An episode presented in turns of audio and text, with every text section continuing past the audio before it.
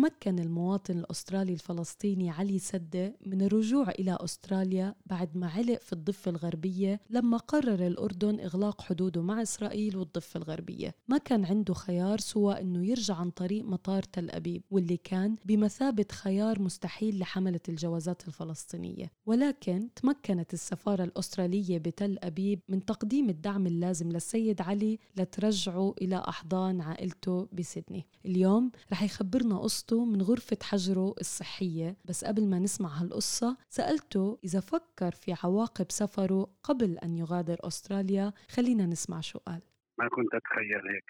كل العالم كانوا ينبهوا يعني حتى الأردن وفلسطين وأستراليا كانوا ينبهوا بس ما كنت متوقع إنه يسكروا الحدود هيك. طيب احكي لي شوي عن هاي السفرة. علقت بالضفة الغربية تحديدا بأي مدينة؟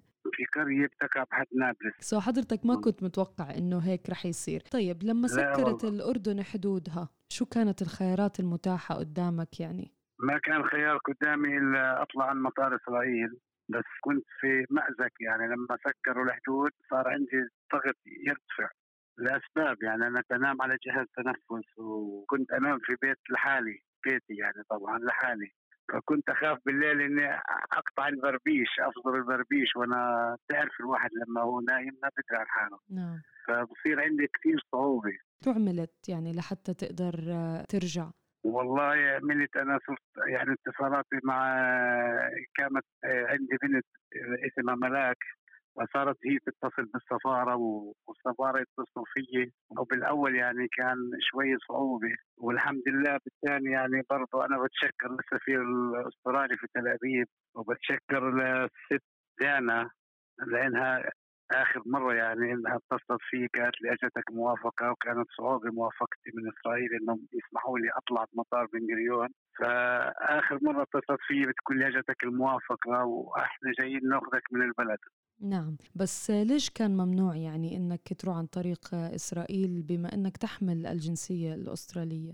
عشان بحمل الجنسية كمان الفلسطينية. فبإسرائيل ممنوع ما بيسمحوا لنا نفوت على إسرائيل حتى ولو نحمل الجنسية الأسترالية. فهون يعني و... تدخلت السفارة الأسترالية في إنها تعمل لك واسطة. مساعدة كبيرة بعد ما إجتك الموافقة لأول مرة رجعوا وغيروا رأيهم فرجعت نعم. السفارة الأسترالية رجعت تدخلت يعني أخذت فترة قديش لحتى قدرتوا يطلعوه من كمان من... أخذت كمان أسبوع طب احكي لي نعم. شوي أستاذ علي عن ال... يعني لما تم السماح لك بالسفر يعني في في شهر إبريل أو السادس من إبريل نيسان يعني حضرتك حجزت تذكرتك ولكن سافرت عن طريق أمريكا لترجع نعم كانت لا قبل اظن بأربع أيام. حكوا لي اقطع تذكرة والإسرائيليين طلبوا التذكرة. حجزوا لي من أستراليا في 6 4 وديت التذكرة للسفارة عن طريق الواتساب. فردوا رجعوا قالوا لي الإسرائيليين رفضوك فقلت ليش بدي أعمل؟ يعني لا يعني لا ردت بنتي ملاك اتصلت عملت لهم إيميلات وشيء يوم 6 4 الساعة 2 الظهر هي اتصلت في الست دانا بتقول لي أجتك موافقة من إسرائيل؟ بس ضبط التذكرة. نعم. اتصلت على أستراليا ضبطت التذكرة في 6 4 كانت صفتي الساعة 12 ونص بالليل لكاليفورنيا أظن. أجت الست ديانا فأخذتني من البلد ومركتني المخصوم وقفونا على المخصوم طبعا عملوا فحوصات وشيء بعدين سمحوا لنا إنه نفوت على إسرائيل. وأخذتني بتاكسي للمطار هسه بالمطار يعني شوفي قديش معاملتها كانت. كل لي أنا بستناك تفوت ال immigration. بعد ما فت ال immigration رديت عليها بقول لها كل شيء تمام. طبعا غلبوني بال immigration وسألوا عملوا اتصالات وشيء في الأخير قالوا لي امرق مرقت بعدها تقول لي تطلع بالطيارة ورن علي. بحكي لها الساعة 12 ونص بالليل تقول لي بستناك للصبح رن علي. والله لو بعد 12 ونص بالليل رنيت عليها قلت لها أنا بالطيارة. قامت انبسطت كثير وبعدين طلعنا على أمريكا. يعني كانت رحلتي برضه صعبة كثير. يعني مش كنت 24 ساعة في أستراليا. قعدت من 6 ل 9 الشهر وصلت أستراليا الصبح. ومين هاي الست ديانا؟ خبرنا شوي عنها اللي يعني أخذت بإيدك من باب منزلك لحتى الطيارة. مسؤولي ما بعرف شو وظيفتها ما سألتها يعني بس هي بالسفارة هي القنصل بالسفارة. السفاره الأسترالية. أسترالية في تل أبيب. نعم.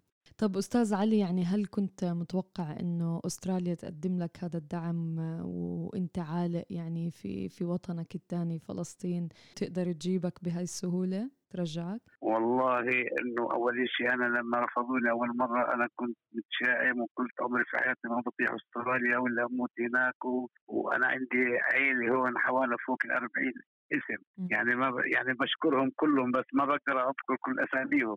فأنا هناك لوحدي يعني يعني لا سمح الله لو إني متت هناك ما حدا بيدري عني بعد أسبوع. الشر بعد الشر عنك يعني. السفارة الأسترالية فعلا اشتغلت شغل حتى بكل مرة اتصلوا في بقول لهم أنا أنا إذا بصل أستراليا راح أشكركم ولعبتكم اللي إحنا بنشتغل شغلنا وواجبنا. جميل كثير يا أستاذ علي. طيب بعد ما وصلت على على سيدني على طول على الحجر آه. الصحي. برضه اجينا على المطار احترامات في المطار واحترامات الشرطه الأسترالية. وأقول لك ماشي حجر حجر. أنا مبسوط للحجر. يعني لو خيروني في المطار بقول لهم بدي الحجر. نعم. لأنه برضه أنا ما بدي أخذ يعني 40 واحد رايحين يجوا يسلموا علي. صحيح. أنا الحمد لله ما في شيء بس لو خيروني في المطار بقول لهم أنا مستعد للحجر. مستعد أقعد مش يعني أنا يعني بدي 20 يوم صفرتي هاي مستعد اقعد 40 يوم برضو اني احمي أي واحد باستراليا أو من أصحابي أو من أهلي يسلموا علي لا سمح الله يكون معي شيء فهيك بطلع بكون أنا متأكد من إني سليم الحمد لله. الاحتياط واجب وإن شاء الله إنه أستراليا وفلسطين والأردن و... يعني هذول الدول اللي بهمني إنه الله يحميهم إن شاء الله. إن شاء الله. آه يعني أكيد الحمد لله على سلامتك وما بتعرف يعني يمكن اليوم اللي وصلت فيه على أستراليا تاريخ عيد ميلاد زوجتك يكون يعني بمثابة حسن الحظ كمان إنك توصل نعم. بهذا اليوم نعم وأنا بشكر زوجتي لأنه كل يوم بتعمل لي أكل يعني زيادة وبتيجي على على الأوتيل طبعا ممنوع تشوفني نعم.